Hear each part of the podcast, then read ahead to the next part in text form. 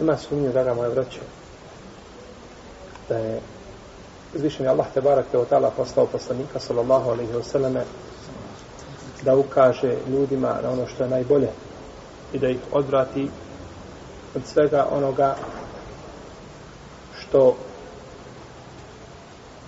ih vodi ka propasti. Pa je osnovni cilj i želja poslanika sallallahu alaihi wa sallame bili su da uputi ljude ka najboljem. I zbog toga je uzvišen Allah te barak te utala ukorio našeg poslanika sallallahu alaihi wa sallame kazavši mu فلعلك باخر نفسك على آثارهم إن لم يؤمنوا بهذا الحديث أسفا Zar ćeš ti sisnuti od tuge u Muhammeda ako oni neće da povjeruju ovaj govor? I u drugoj suri kaže uzvišeni Allah te barake o ta'ala le'alleke bahi un nefseke la ikunu mu'minin. Zar ćeš sebe uništiti o Muhammede ako oni neće da vjeruju? Pa je dobio Rasulullah sallallahu alaihi wa sallam ukor od Allaha te barake o ta'ala zbog toga što su ga njegova prsa boljela, i stezala se. I zašto je sam sebe mučio, od čega ljudi neće da vjeruju, neće da izuđu na pravi put. Pa pogledajte, draga moja braćo, kakav je kakva je uputa Rasulullaha sallallahu alaihi ve sallam bila i kako je nastojao da ljude uputi ka najboljem i ka istini. Pa ga je uzvišen Allah te barak je otala ukorio zbog slijepca.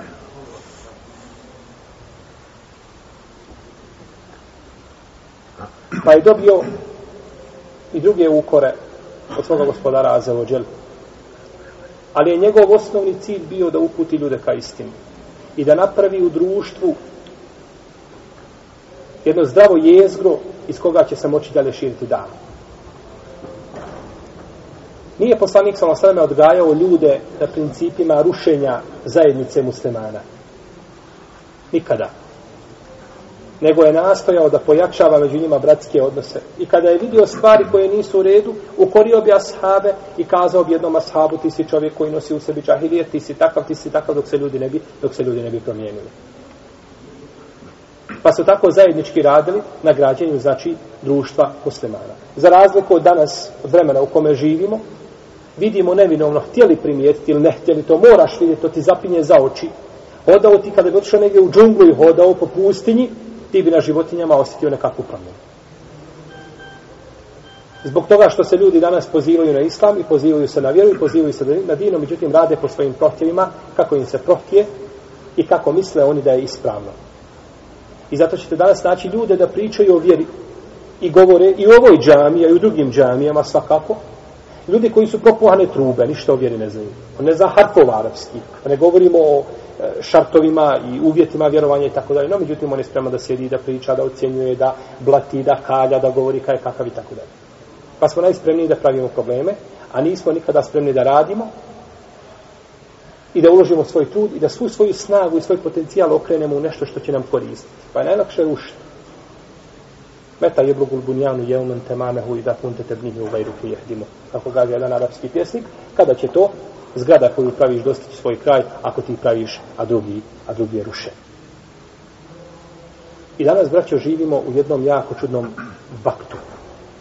U jako čudnom zemanu. Mislim na ljude, jer nije zeman je uvijek isti. Nego su ljudi čudni.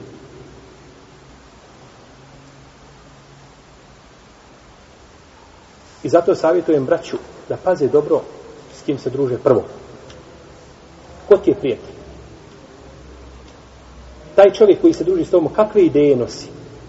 Ispitaj to slobodno i vidi kakve ideje nosi. Pa onda stani druži se sa njim.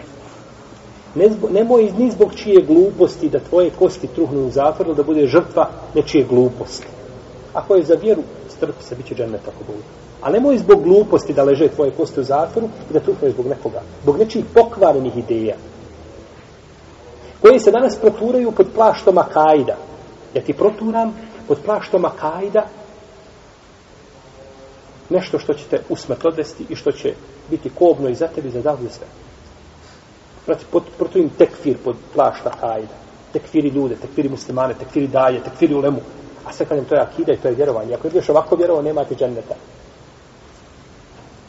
Dok ne dovedeš čovjeka na granicu ludila i da onda ide čovjek priča o vjeri i govori blati da bi bio musliman. Jer ne može drugačije biti musliman.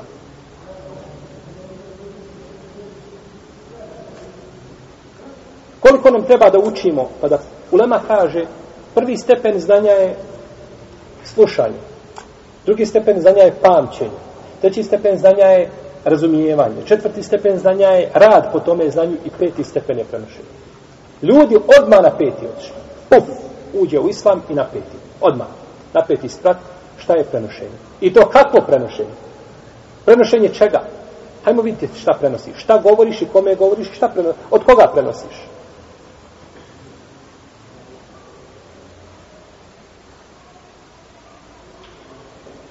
Pa su to stvari, braćo, koje obstruiraju naš davetski rad. I vi to osjetite, a možete misliti da kako je dajama, kako oni to osjete.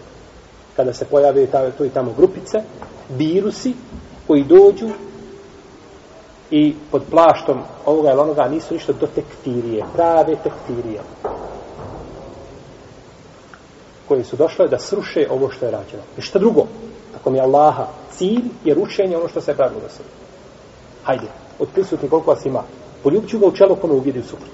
Ujro. Ubijedi me jednom rečenicom koja je daif. Slaba ne može biti slabija. Ubijedi me, poljubit ću te u čelo. Prosim ovdje.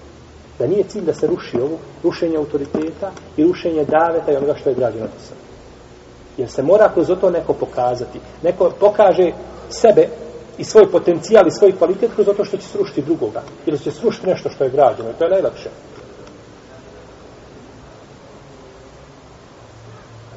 Moramo, braćo, osvijestiti se, moramo razmišljati. Ja vidi više da ti neko nešto prodaje. Kur'an, sunnet, prodajem ti nešto pod Kur'an i sunnet i onda te odvedem da budeš ono što sam ja. I ne možeš biti musliman neko kao što sam ja, kao što ja razmišljam. Imate daje u ovome mjestu, imate daje u Bosni dosta, koji se potvrdili na davetskom polju. Rade ljudi, govore, dokazali svoju iskrenost, pitajte ih, savjetujte sa njima manite se skupina i grupica koji dolaze i prave probleme u davi i razbijaju nas. Manite ih se. Jer bit će ti kasno kad te po glavi počne lupati. A ne lupa tebe, nego lupa sve muslimane. Međutim, gdje su ti koji vide dalje od svoga nosa? Oni što pričaju, možda ljudi o nekim stvarima o kojim on danas maštaju, nisu maštali u vrijeme halife Omara ibn Abdelaziza kako se oni ponašaju.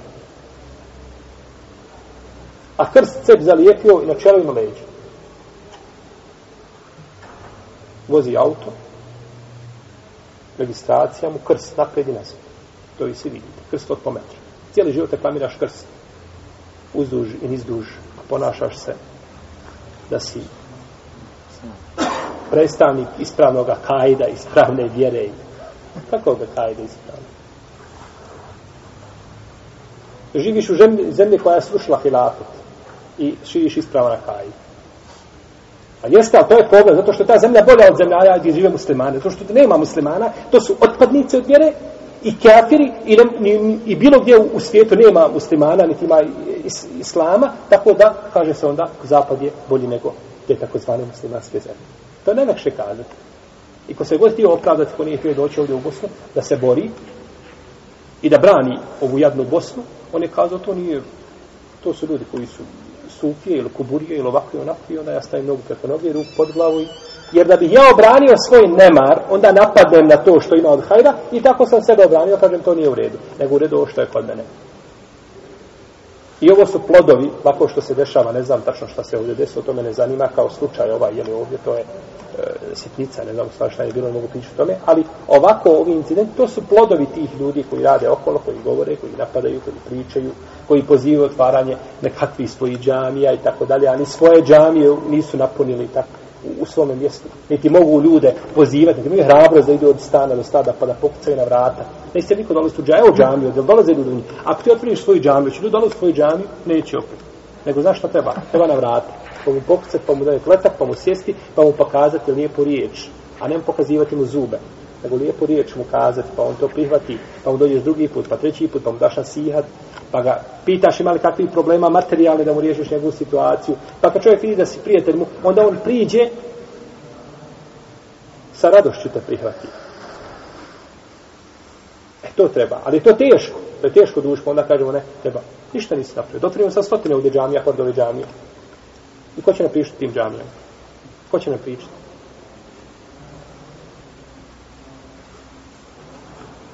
Draga moja braćo, sada je vrijeme da budemo ozbiljni i da razmislimo o našoj davi i da razmišljamo o našem stanju, da znamo gdje se nalazimo. Svakom bratu preporučujem ko nema neka sebi kupi kompas i kalendar u kuću. Kompas i kalendar to je dvije neminovne stvari. Da vidi gdje se nalazi, se orijentiše, da zna gdje je na kojoj paraleli, ko meridijanu gdje se nalazi i da zna koja je godina.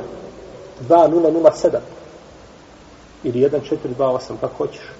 To je godina.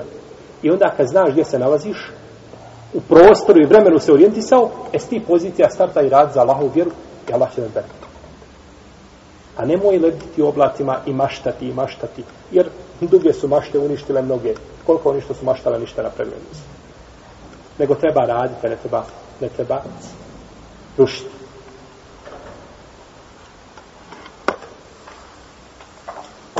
I da govorimo, braćo, sunet poslanika sa svim njegovom načinu rada, vidjeli bi čuda kako je govorio, korio je ashabe i govorio im, kaže, vi ste ljudi koji požujete samo zato što su kazali, ja Rasulallah, elate do olena. Kaže, Allah posljedniče, zar nećeš nam dobiti? Samo zato rekao, kaže, jeste, kaže, ova će vjera napredovati, ona će doživiti svoj, a, svoje svjetlo, no mi onakim nekom kao te znači, lun, vi ste ljudi koji požurujete. Hoćete sve nešto na brzinu. Takvi su danas muslimani, posebno omladina. On bi to sve preko noći promijenio. On bi da, da se sve u danu jednom promijeni, da nestane novotara, da nestane. Tako se stvari ne mijenjaju. Nikada se nisu jednako kroz istorije, pa ne mogu ni danas. Pa za 50 godina kad promijenimo, ja sam kazao, braći, kada bi imali za 50 ili za 100 godina ono što danas Arapi imaju obični svijet, tu ljubav prema vjeri, iako on nije neki poseban vjernik, onako šara, ali nosi u svome srcu tu ljubav i lahko mu je probuditi, puno lakše nego kod našeg čovjeka, mi smo napravili veliko dobro. Pa naredna generacija dođe pa opet nešto napravi. Tako se stanje popravlja. Stanje se ne može popraviti preko noći. I u tome ima mudrost. Jer ko se je god preko noći popravio, toga sutra, sutradan ujutro našao negdje u kanalu da leži. Ne može on. Takva je priroda vjere. Hoće stabilnost, korak po korak, ili stopu po stopu, ali čvrsto, i to će dati šta? I to će dati rezultat. Molim Allah te barak, kao da nas pouči našoj vjeri da učvrsti nas za stopala, da poveže naša srca.